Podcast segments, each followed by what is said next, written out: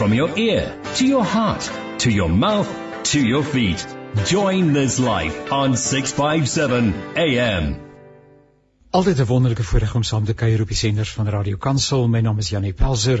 Hierdie program se naam is Perspektief en ons probeer lekker naby kom by die dinge wat in die hartklop uh, natuurlik lewe van die Suid-Afrikaanse samelewing. En daar is so baie baie dinge. Dit is inderdaad in dit waarheid en inderdaad 'n interessante plek om in te woon nie waar nie.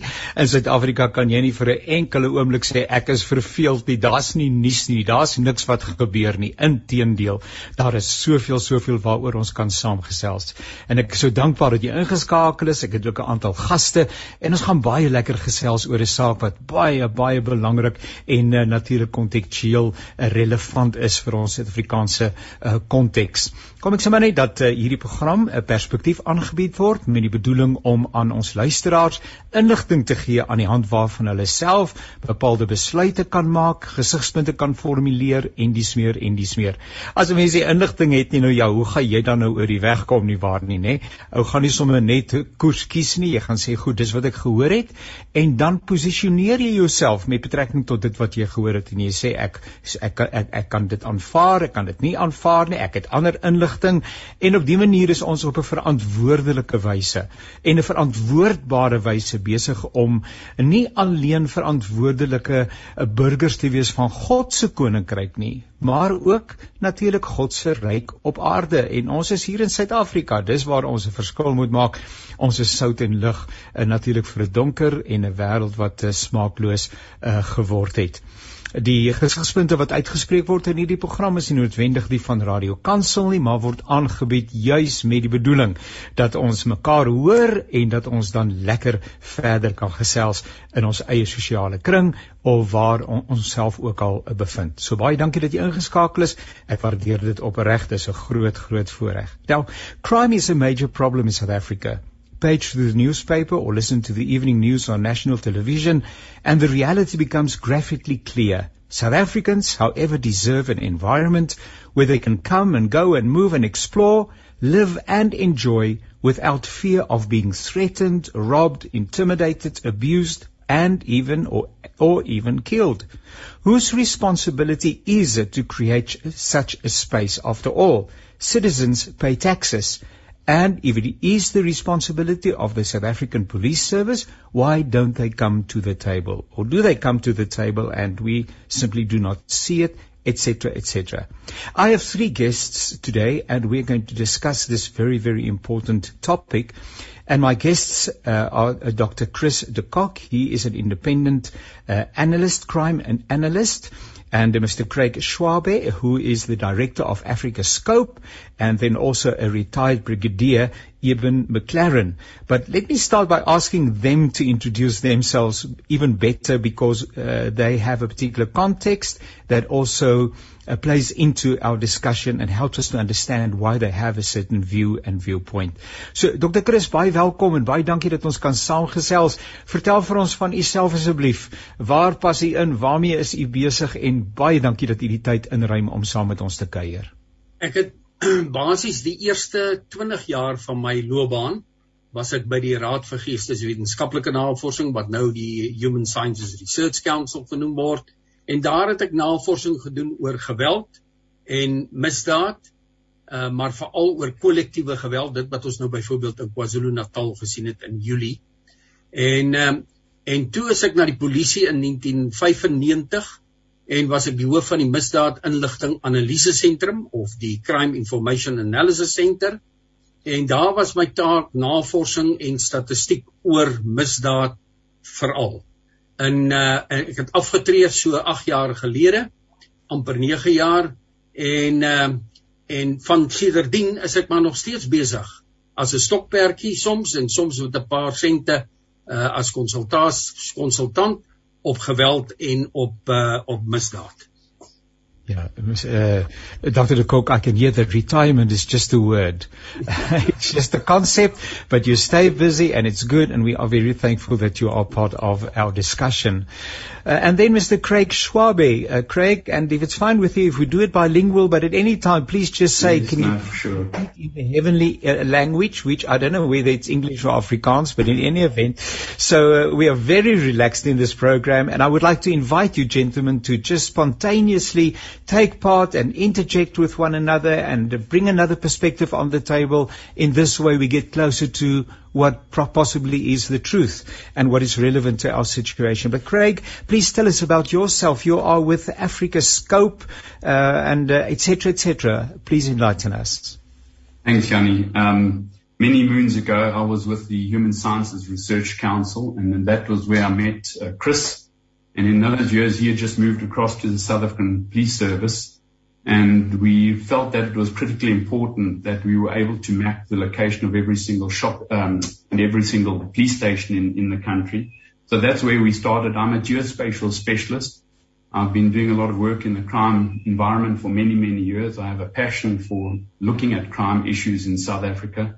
And more recently, what we have done is our company has developed a free viewer for citizens of our country to be able to go and have a look on our server and have a look at the extent of crime in any single police station in the country over a period of time. We believe very strongly that every South African has a right to have an understanding of the crime situation so that they can engage with their community police forums or the police in order to bring about a change in their particular police station. And then just more recently this year, Chris and I ran a series and, and all of the series is on our YouTube channel called Conversations of Crime, where we've gone in for a much detailed understanding or detailed look at what's happening with each of the different crimes in our country, and that's my background. Thank you so much Craig and thank you for making the time.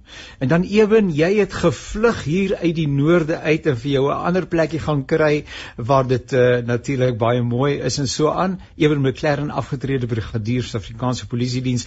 Uh ewen vertel vir ons van jouself asseblief.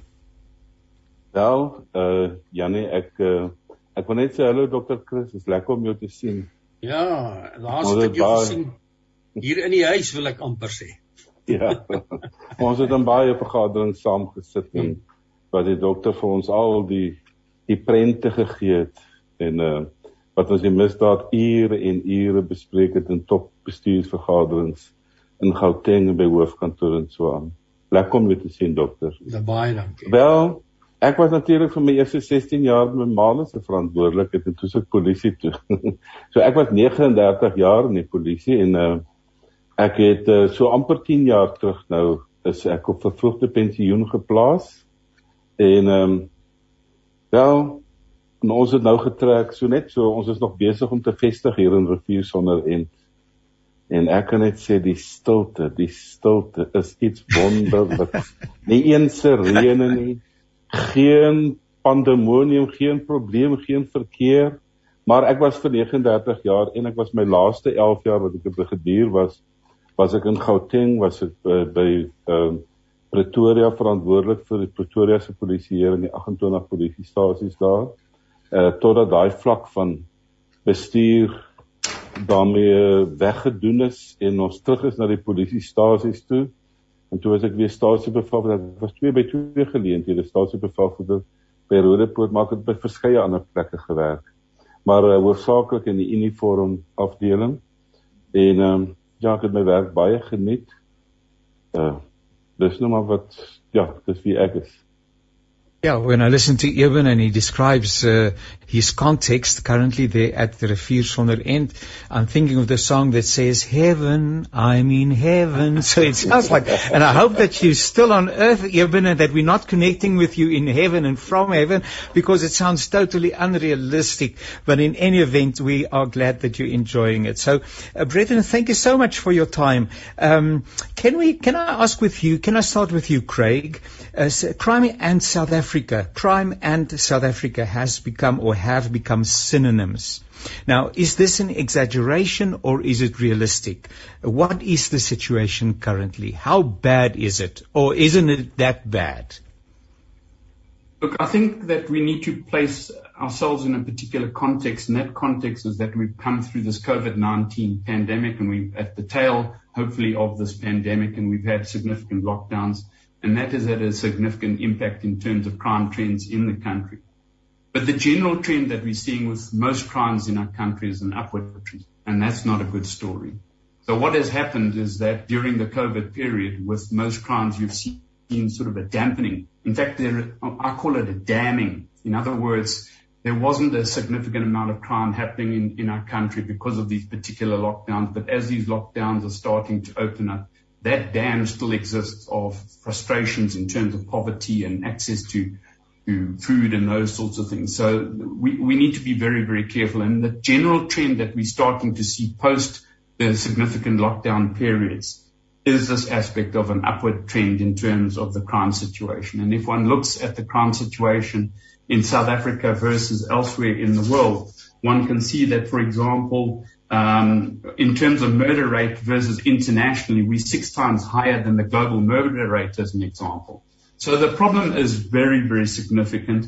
And one of those things that we have been talking about in our conversations on crime is the aspect of the concentration, in fact, what we're calling an entrenchment of crime within the townships of our country. So, you know, these lockdowns have had a significant impact in terms of tri- crime trends, the location of crime trends. As these lockdowns are opening up, crime is starting to go back towards its high trends again. Uh, Dr. Chris, eers aan ja asseblief help vir ons ek wil, want ek wil graag daar byvoeg. Ja. Eindelik moet ons ons bietjie verder teruggaan in die geskiedenis. ja, En teruggaan na na 95 uh ongeveer toe die nuwe bedeling geskep is. Ja. Nou en ook die nuwe polisie diens uh na vore getree. Nou as jy vat 95 tot ongeveer 2000 2002 was nie baie goeie jare en die misdaadvlakke was geweldig hoog en Ja. dit het die hoogte ingeskiet en 'n mens kon ook verstaan dat die polisie miskien nie heeltemal so gefokus het daardie tyd nie want hulle was in 'n transformasieproses. Daar was baie werk gedoen om die polisie te transformeer en te integreer uit die ou uit die ou polisiedienste uit. Maar in 2002-3 het die uh, destydse president uh president Mbeki het hy 'n uh, bietjie begin druk uitoefen op die polisie en gesê dat die misdaad, die geweldsmisdaad, want eintlik het Suid-Afrika se groot probleem is geweldsmisdaad. Dis nie is nie 'n uh, uh, motordiefstal of diefstal vanuit voertuie of huisbraak nie. Die kry ons in al die lande.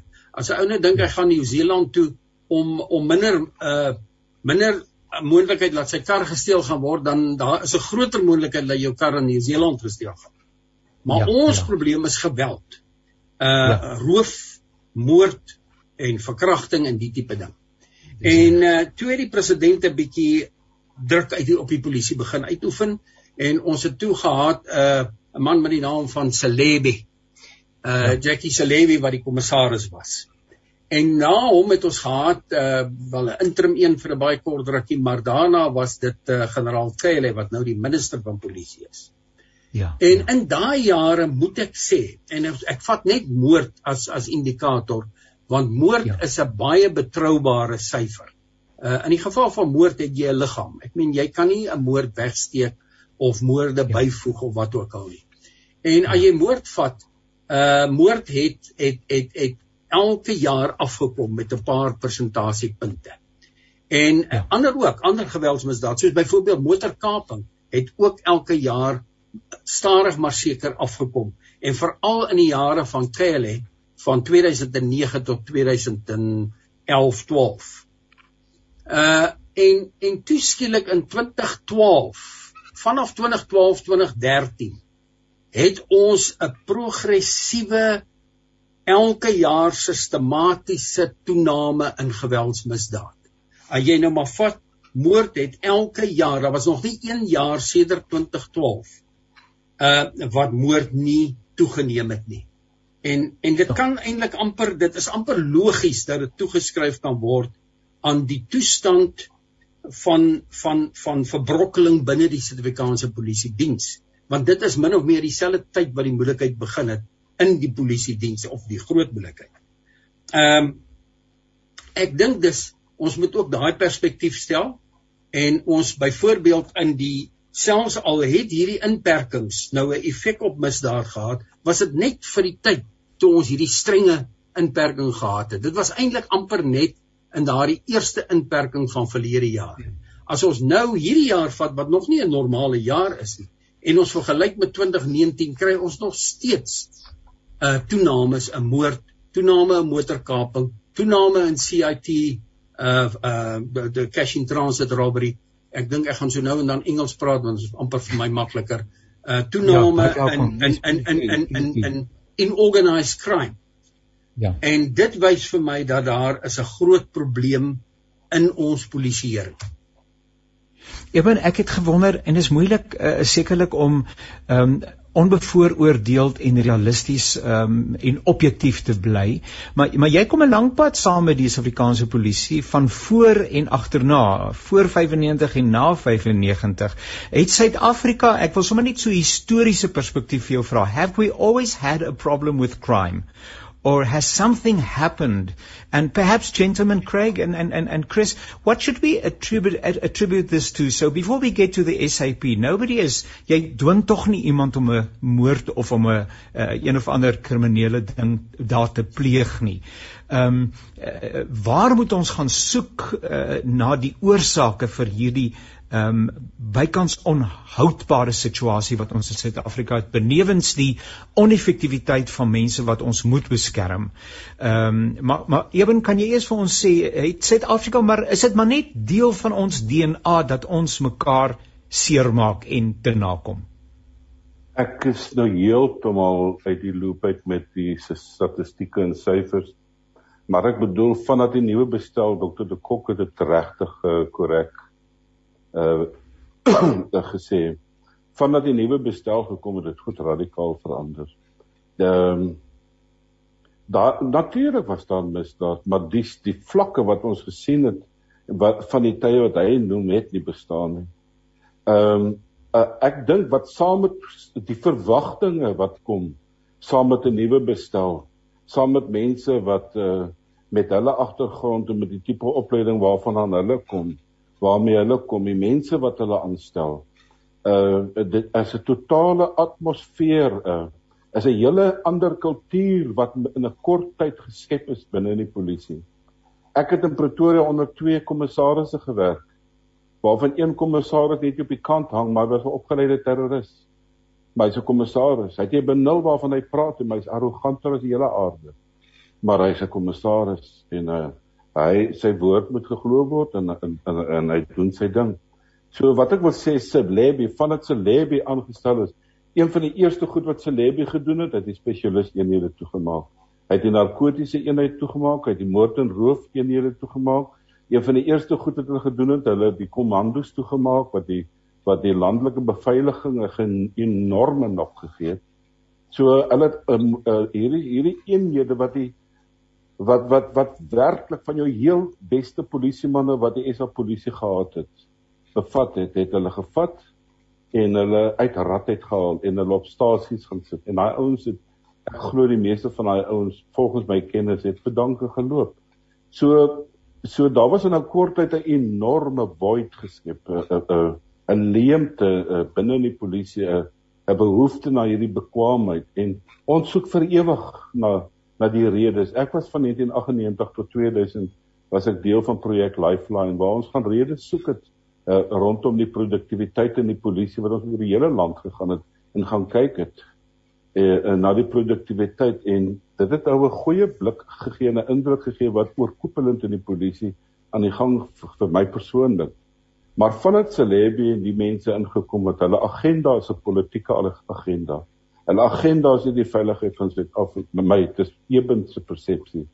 Hulle agenda was na my mening 'n politieke agenda en hulle het mense aangestel wat hulle kon beheer en wat hulle in plekke, ek het dit gesien reg rondom my, het hulle mense aangestel en uh uh hierdie mense het gekom sonder dat hulle uh, in die eerste plek is 'n polisieman iemand wat veronderstel is om 'n roeping te hê, om 'n roeping uit te leef, om mense te dien, om 'n plek om om om die skills wat hy het in 'n uh, uh, te gaan in in in te help om hierdie land 'n beter plek te maak uh, Janie. En ek persoonlik dink dat uh, van van 1995 af het die het die dinge baie radikaal gegaan.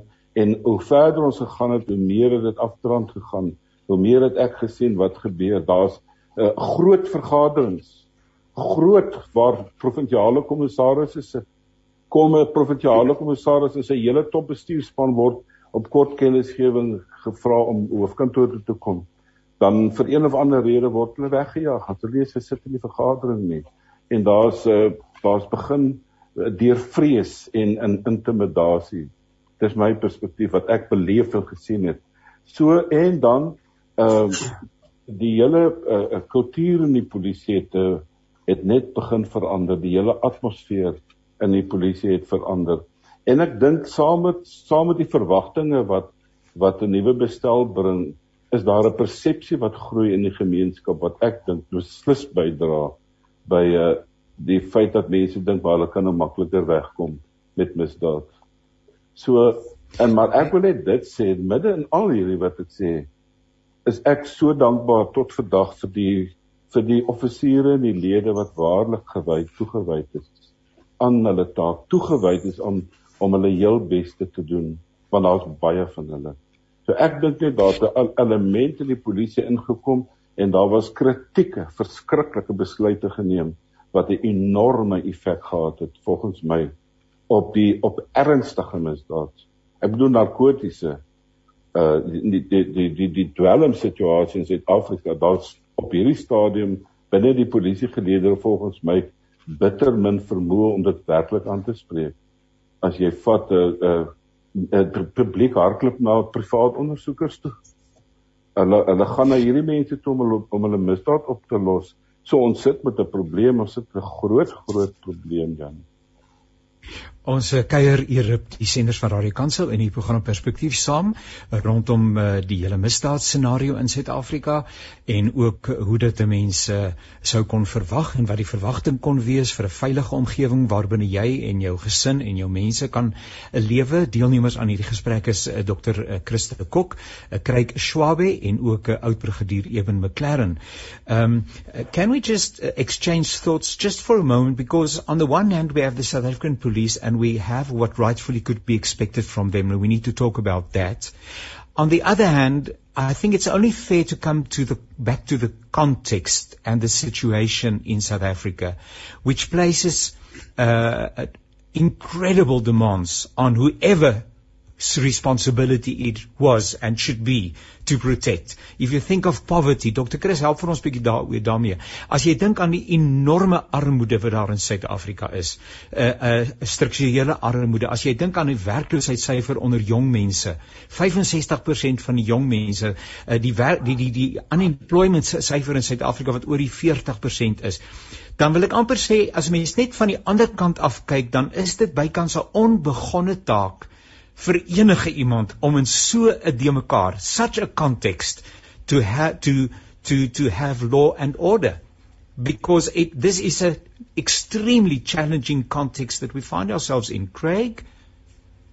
Look i think you know my perspective on this is is one has to look at two aspects to this. The first one being is that south africa for many many years has been recognized as having one of the highest Gini coefficients. Now, Gini coefficient talks to income inequality. So the income inequality in our country has, for many, many years, been uh, one of the worst in, in the world. So, so we know that there is a poverty aspect. We know that there is an unemployment aspect as, as well. Uh, and, and, and it's very much about youth. And, and the complexity being is that we need to look at a balance between the approaches that we utilize in order to address this aspect.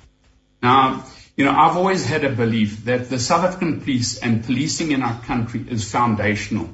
Many people will have said to you that the, the, the way that we tackle crime in this country is that we've got to deal with the socioeconomic problems first.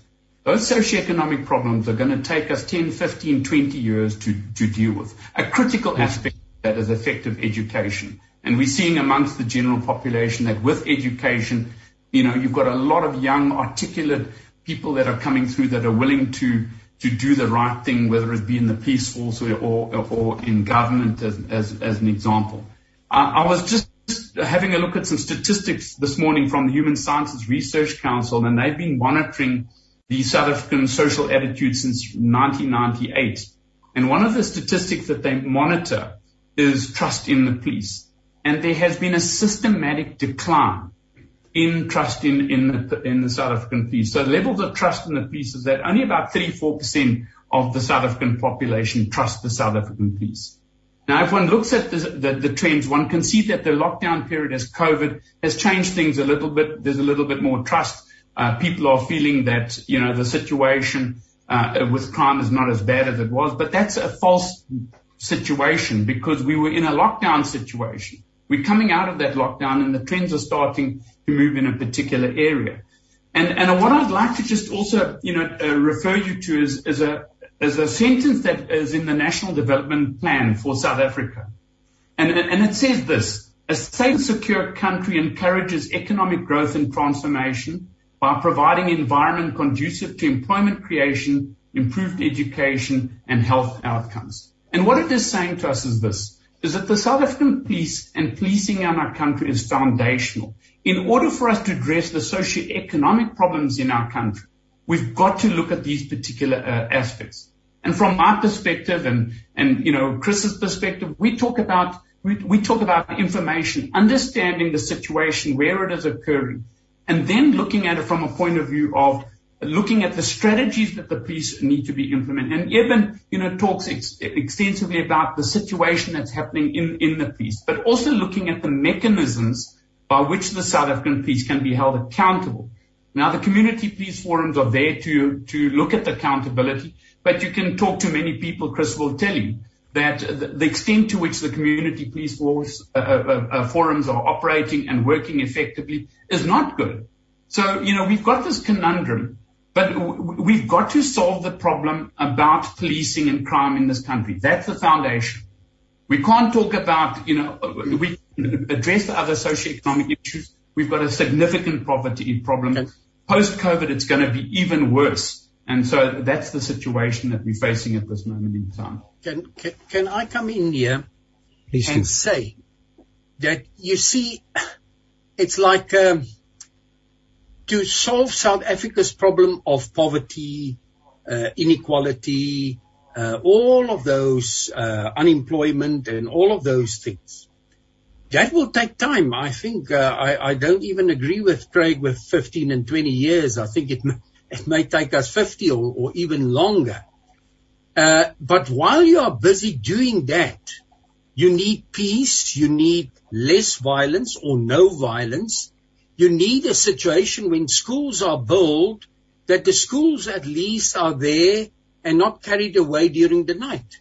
Because now schools are being carried away during the night. So how are you going to provide education if that happens? How are you going to provide education if electricity cables are constantly stolen? Uh, and, and we can carry on for the whole day and even tomorrow uh, with many, many such examples. Also, we won't get investment in South Africa if our violence levels, our level of homicide, murder, is one of the highest in the world. I think we are now uh, there's different indexes, but one of that I've seen recently is about we are about six in the world uh, in, out of 150 something countries. Now, yes. people who invest won't invest in violent. And now, after the July riots, uh, where where literally businesses disappeared over a period of four days, there is no way that people are very easily going to invest in South Africa. So we have to create, the police have to create, together with the community, a situation where there is confidence that I can invest in South Africa, even as a, as a person sitting here in South Africa, that I can invest in South Africa because my money is not going to disappear.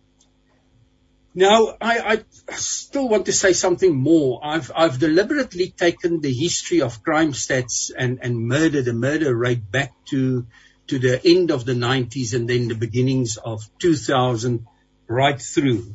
And I agree with, uh, with Eben, and, but I don't want to talk too much about that.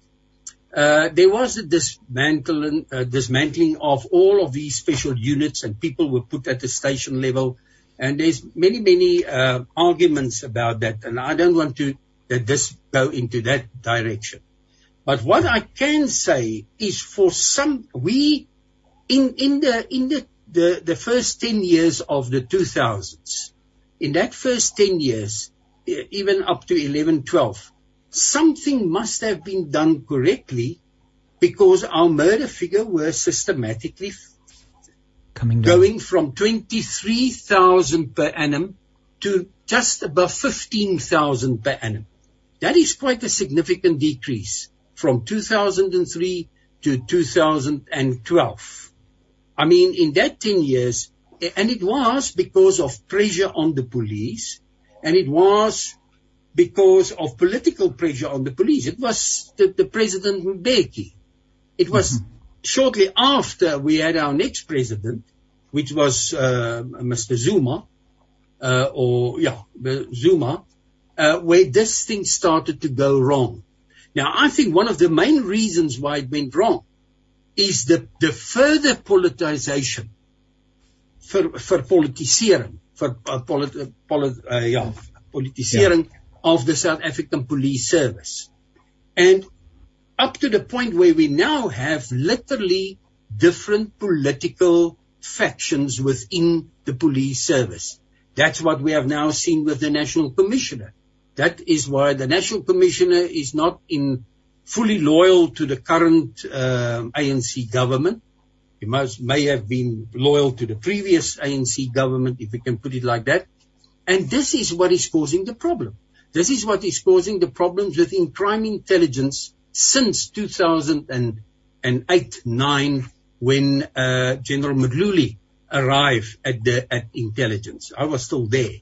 I worked under him and uh, and and and that politicized the whole crime intelligence. It fragmented crime intelligence to the extent that people are spying on each other, and they are not using the plenty of resources to infiltrate crime syndicates, to to have proper networks everywhere in South Africa where they can informant networks where they can get in, information because they are now using the money for uh, another purpose.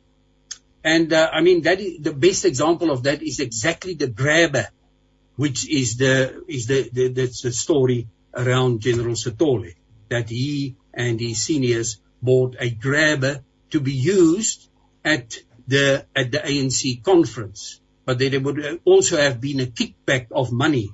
Uh, that is what is what what what he's under investigation for, and. Uh, so that is actually what brought us to the current situation. We have a police service which are not working in unity, and as Eben have said, a police service which, I mean, they must be a to be a police officer is not a job; it's a vacation, as they say in English. It's a it's a roeping. Is roeping. Jy moet ja. geroepe wees om 'n polisieman te wees. Dis nie 'n werk nie. Uh, and, uh, then I want to just highlight one more, and then I'm going to first. No, please uh, do. Keep to myself. Another problem in South Africa, and I think that is our biggest problem, why we have all of this crime, and especially organized crime, especially these CIT robberies, the carjacking, which just continue every year, is because of greed. That's the word. It's greed. It's generated by greed, not by poverty not by unemployment. You get many poor people and many unemployed people who will not go for crime. Most of them won't go for crime. And I always get very angry if people say, yeah, but you know, we have poor people, that's why we have crime. Because that, I think, is a very unfair uh, uh, uh, quote. It is greed. You can just open your eyes when you go into the streets of our cities. It won't be there at um, Riviersole End. I know the place very well. But here in Pretoria and in Johannesburg, if you go on a weekend and you go and have um, dinner or lunch or whatever, or just a cup of coffee somewhere, I can take you to many places where you see motor cars which you have no, no, never seen anywhere else. Everyone is driving a Ferrari and a, and a, and a Porsche and a, and, a, and a Mercedes. And I don't actually want to mention these names because it's good cars, but But what I'm saying is we have agreed, I think, which measure up to the American greed that you find there. And in a country where you have such greed, you will always have organized crime and you will always have violent crime. And actually, uh, if you look at the latest analysis of murder figures which the police release, and I must, I must congratulate them for what they are releasing. They are actually very open with us. You will see that the, the highest number of murders is committed during robberies, during robberies, and, and together with vigilantism, which is a reaction of the community against things like robberies and, and, and other crime, because they feel the police can't be trusted, and that's why we do our own thing. And mm. then, and then the zamazamas and the taxi violence. If you count all of those things together, the gangsterism in the Western Cape, uh, especially on the Cape Flats, if you count those things together, you find that, that that is most of our murders. 10, 20 years ago, most of our murders were social murders. When husband and wife and boyfriend and girlfriend were killing each other. That is now becoming less and less, which show that there is something changing in our culture in any case. But our most are now generated by robberies. And that is organized crime. And uh, that is driven by greed. Nou as 'n mens net oor hierdie hierdie hele saak van van selfsug, van hebsug ewen 'n oombliekie gesels because I want to get to Craig and and and and and Chris also in terms of so so where do we take this conversation? That's always the problem. It's one thing for us to have the conversation, but where do you go with this conversation? Who do you address? Where do you uh, but but before we get that uh, uh, Eben uh, ook as gelowige uh, because this is a Christian radio station and we, we are people that say, but okay, God expects us to live in a certain way. And greed is part of our human condition. It's not only, uh, uh it's part of our fallen condition and we have to see it for what it is. Um, en, en, en weer een keer redelijkheidshalve, um, om dan uh, iemand te verkwalik omdat die samelewing selfsugtig is. As ek nou neem ons eie omgewing En ek is dalk ook skuldig. Mense stop nie by 'n stopstraat nie. 'n stop sign is there for decoration and I'm generalizing. Um, a 60 kilometer sign is there for for somebody else to adhere to, but not for the general public.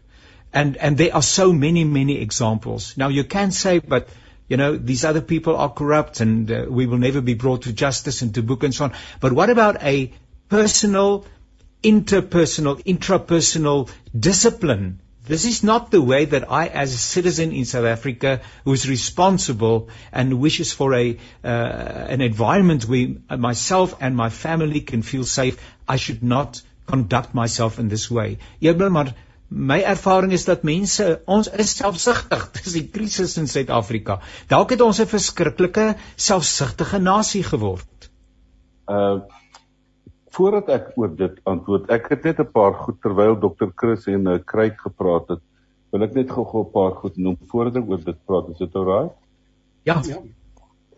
Ehm um, ek wil net sê dat uh, uh, uh, uh, na my mening 'n uh, 'n bydraende faktor tot die hele uh afname in in in 'n uh, verskaffing die polisie diens aan die gemeenskap wat ons veronderstel is Deur die jare het ons die distrikkommandant kantore gehad wat 'n wat 'n 'n span van van bevel gehad het, een distrikkommandant kantoor oor so 5 of 6 polisiestasies. So daai DK het 'n span baie bekwame offisiere gehad wat daai 5 stasies bestuur en beheer het om te sien dat hulle maksimum funksioneer wat uitstekend gewerk het. Toe met die nuwe dispensasie, toe neem hulle dit weg, toe sit hulle 'n klomp van die DK's bymekaar en dis waar ek byvoorbeeld ek geland het wat ek verantwoordelik geraak het vir Pretoria 28 polisiestasies wat toe nou my verantwoordelikheid raak waar jy voor tevore 5 6 polisiestasies gehad het om te hanteer.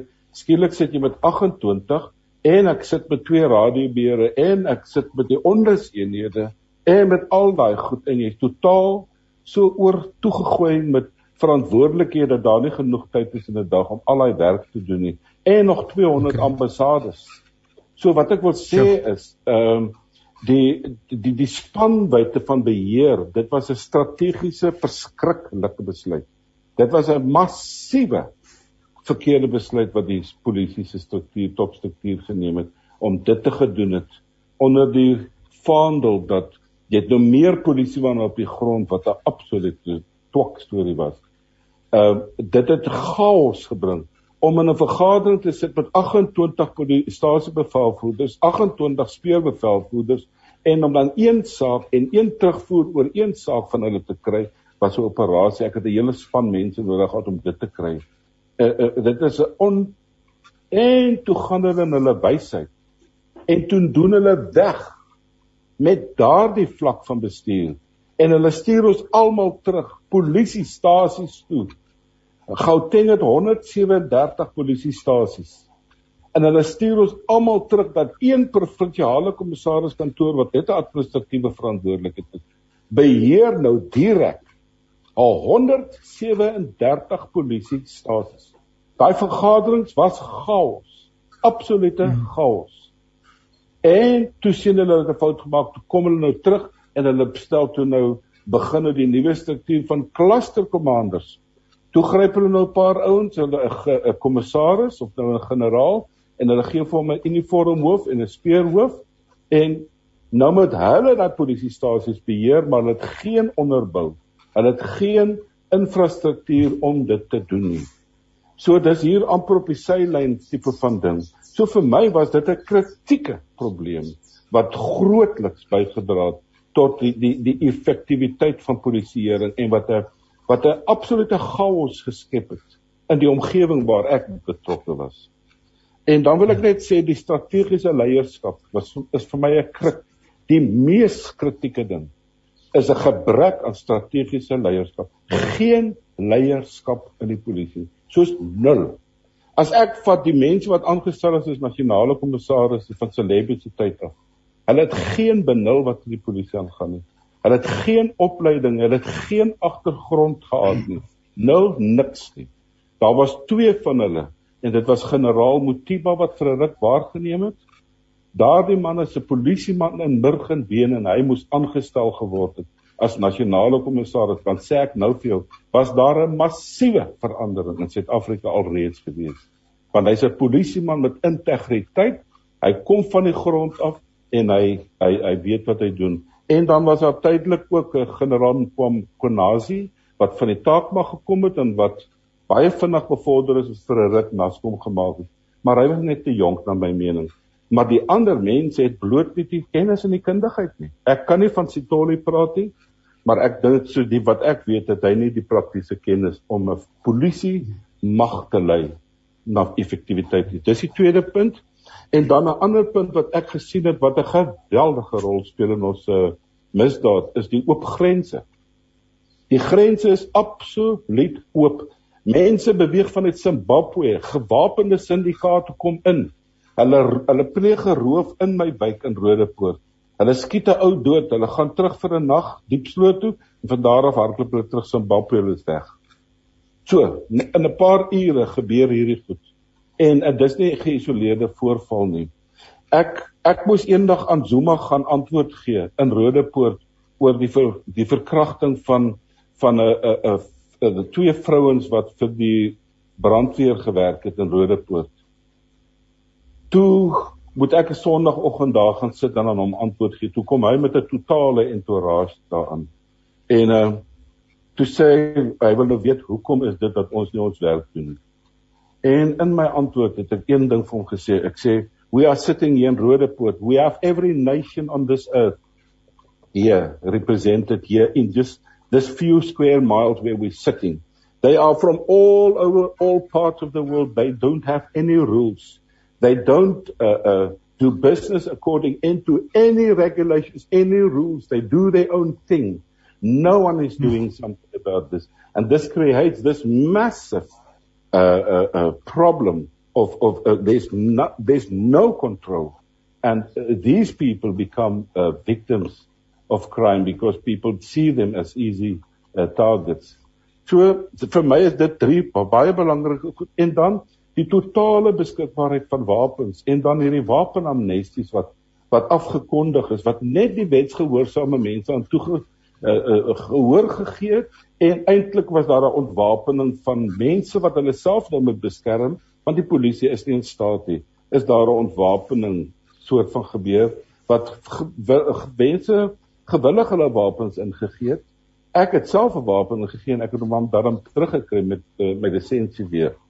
Maar dan jy het nou gevra die morele situasie ek het uh ek dink ons fokus nie dink jy ons fokus is verkeerd. Ons kyk na die polisie, ons kyk ons het soveel polisie manne en ons sê daai polisie manne moet my veilig hou. Ek dink nie dit ek dink dis 'n verkeerde perspektief en ek dink dis 'n wan is 'n wanopvatting en 'n verkeerde verwagting.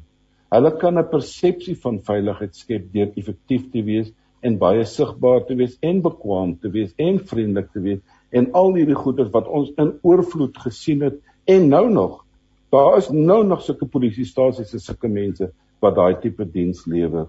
Ek dink al moet baie versigtig wees om hierdie totale ding dat die polisie nie vertrou kan word. Ek dink dit gaan 'n dit gaan 'n vergryp wees om dit te sê want daar is baie toegewyde mense steeds in die polisie en ek dink hulle is in skaamte oor wat aangaan rondom hulle. Maar die familie, dit begin by families uh Jannie. 'n Families is dat uh, ek is daai in rivier sonder en 'n ouetjie na my toe gekom en gesê meneer, ons mense wat hier bly is 'n verlate mense. Ons het nie paas nie. Niemand van ons het paas nie. Ons het niemand gehad wat vir ons leiding gegee het nie. Ek het in Sandton polisiestasie gesit toe president Mbeki hulle gekom het met daai druk wat 'n uh, dokter uh, uh Chris van gepraat het toe moet ek skielik antwoord gee hoekom daar soveel rowe en moorde is. En ek sit in my kantoor in in Sandton polisiestasie. Ek het toe daai tyd gewerk saam met uh, brigadier Naidu, hy het toe later die provinsiale kommissaris geword. En as 'n kind van die Here het ek gebid en gevra Vader, wat staan my te doen? En die gees van die Here praat in my hart met my. En hy sê hierdie woorde: Vervloek is 'n mens wat op die arm van die vlees steun, wat op 'n mens steun. So ons moet pasop dat ons ons totale vertroue en ons totale afhanklikheid en ons totale saligheid sit in die hande van mense wat uit gebroke huise uitkom wat self nog nie dalk gefestig is wat self nie in die geloof wandel nie wat self grapple en, en sukkel om net hulle neuse bo water te hou wat met soveel probleme werk toe kom uh, te midde van die goed Ons vertroue kan nie op 'n mens wees nie, maar op die Here God. Goed Eben, ek ek hoor en, en ons tydjie loop nou so vinnig uit en baie dankie, dis sulke belangrike perspektiewe. So I want to ask you in closing uh, Dr. Chris uh, and also Craig uh, and and and Eben, so where do we go from here? So we have at the moment a situation that cannot be prolonged. One of these days we have the local elections. Uh, I, I, would imagine that the, the, the, work that the South African police uh, has to do and does is also a, a, type of service delivery which fails all over South Africa uh, in all spheres of activity almost. Um, so, so, so taking the situation as it is at the moment, surely you as people who have influence must be in discussion where it matters. Is there an audience? Are you being received? Are you heard? Uh, is there an openness? Is there political will for these things to be addressed? Because what has become very clear is it's not one dimensional. It's not only greed, it is greed, but it's also structural, it's strategic, so many, many aspects. But maar Chris, julle ouens is die kennis, met wie praat julle en wat sê hulle as julle met hulle praat? Kyk, ek praat nie met met mense in 'n magsposisie nie want hulle vra my nie. Uh ek praat baie oor die media. Ek meen ek is baie ja. aktief uh, amper ek wil amper sê weekliks en selfs daagliks verlede week byvoorbeeld om om verskillende radiostasies, verskillende en ek sal nooit ophou praat solank my gesondheid dit toelaat nie. Want ek dink dis ja. my plig om te praat. Uh ja. as kenner van misdaad en as kenner van die polisieering van misdaad. Die die issue is ek dink waarna toe ons moet gaan, ons moet praat en ons moet sê wat wat moet gebeur en as mense nie luister nie, wel ons kan nou daaraan nie veel doen nie. Maar die feit van die saak is soos wat uh, Eben ook gesê het. daar is nog baie baie baie en ek dink dit self dalk die meerderheid polismanne in die Suid-Afrikaanse polisie diens wat 'n goeie werk kan doen, wat ja. ondervinding het, wat nou uh, miskien jonger is maar alreeds 'n bietjie ondervinding opgedoen het. Wat hulle benodig is 'n sterk leierskap. Hy het nou daardie naam genoem van uh, generaal Lucky Mangwanazi wat nou die provinsiale kommissaris van KwaZulu-Natal is. Uh, hy het vir 'n baie kort rukkie baar geneem na ehm uh, uh na uh Piega. Uh maar ongelukkig vir hom uh het hy 'n politieke het hy het hy hom hy het hom nie gesteer aan die politiek. En dit was natuurlik die die groot dae van meneer Zuma. So wat hy gedoen het is hy het definitief op meneer Zuma se tone getrap en dis hoekom hy verwyder is na 6 maande. Maar ek dink hy kan teruggebring word. En dan is daar nog 'n paar wat nog nie afgetree het nie. Uh, generaal Motiba het nou ongelukkig afgetree, maar daar's ander jonger generaals wat ek dink die operasionele hulle moet wegbeweeg van administratiewe offisiere en gaan na mense wat ondervinding het vanaf stasievlak of in die taakmag of in wat ook al en daardie mense in die leiersposisie sit en hopelik hulle so versterk dat hulle kan vergeet van politiek en die polisie skoonmaak van bo tot onder. En as iemand besig is met politiek in die polisie en veral in misdaad intelligensie, dan moet daardie persoon gaan. Hy hoort nie in die polisie nie. Glad nie. En ek dink dan kan ons uh ons misdaad weer begin aanspreek en hom stelselmatig afbestuur. Baie dankie dis dokter Kok wat uh, so lekker gesels. Hy's 'n onafhanklike ehm um, analis, uh, misdaadanalis en ons is baie dankbaar vir sy deelname. Uh Ewen McLaren, 'n afgetrede brigadier wat vir ons 'n klomp perspektiewe op die tafel geplaas het. Craig, the last word to you. So again, you are a researcher and you have yeah. a lot of statistics and material. Do you go? Where do you go with it? With it, and is there an audience? Are they willing to accept and to listen and to uh, internalize and to work with this? Are, are you uh, encouraged, or do you think this is a it's a lost case? Nobody listens in any event. Yeah. Where do we go from here, Craig? Where do we go from here? Let me you've start got, by saying this. You've got two minutes. Um, you know, as Christians, we, the Bible tells us that we are in this world and we are not part of this world. But yes. I say that as Christians, we are the moral fiber. And as the conversation is going, the moral fiber, it's complex. The moral fiber in our country has, has significant problems. I yes, do think yes. the way forward, South Africans have become numb to the issues of crime. Even the media, they cover it for two days and it's gone.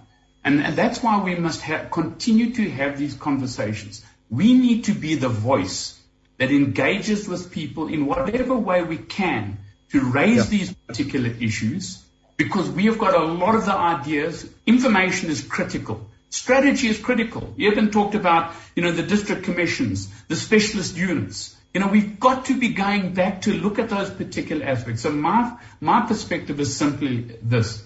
Let us be the voice of morality as Christians to say to the government, to say to the police, we have to do something seriously to address these problems. Dis Craig Shawe wat daar ons saamgesels. Hy is die director van Africa Scope. Thank you so much brethren. Uh, uh, I wish we had more time and we should perhaps continue our discussion. Thank you to our listeners for listening and do remember it starts with me. Stop pointing the fingers. What am I doing about my own safety and the example that I'm setting? And then from there, we'll work towards those other structures that are in place and that have the responsibility to keep us safe. May God bless you. Alles wat mooi is, dis lekker om saam te kuier. Seënwense en uh, ons kuier by volgende geleentheid weer verder. Totsiens.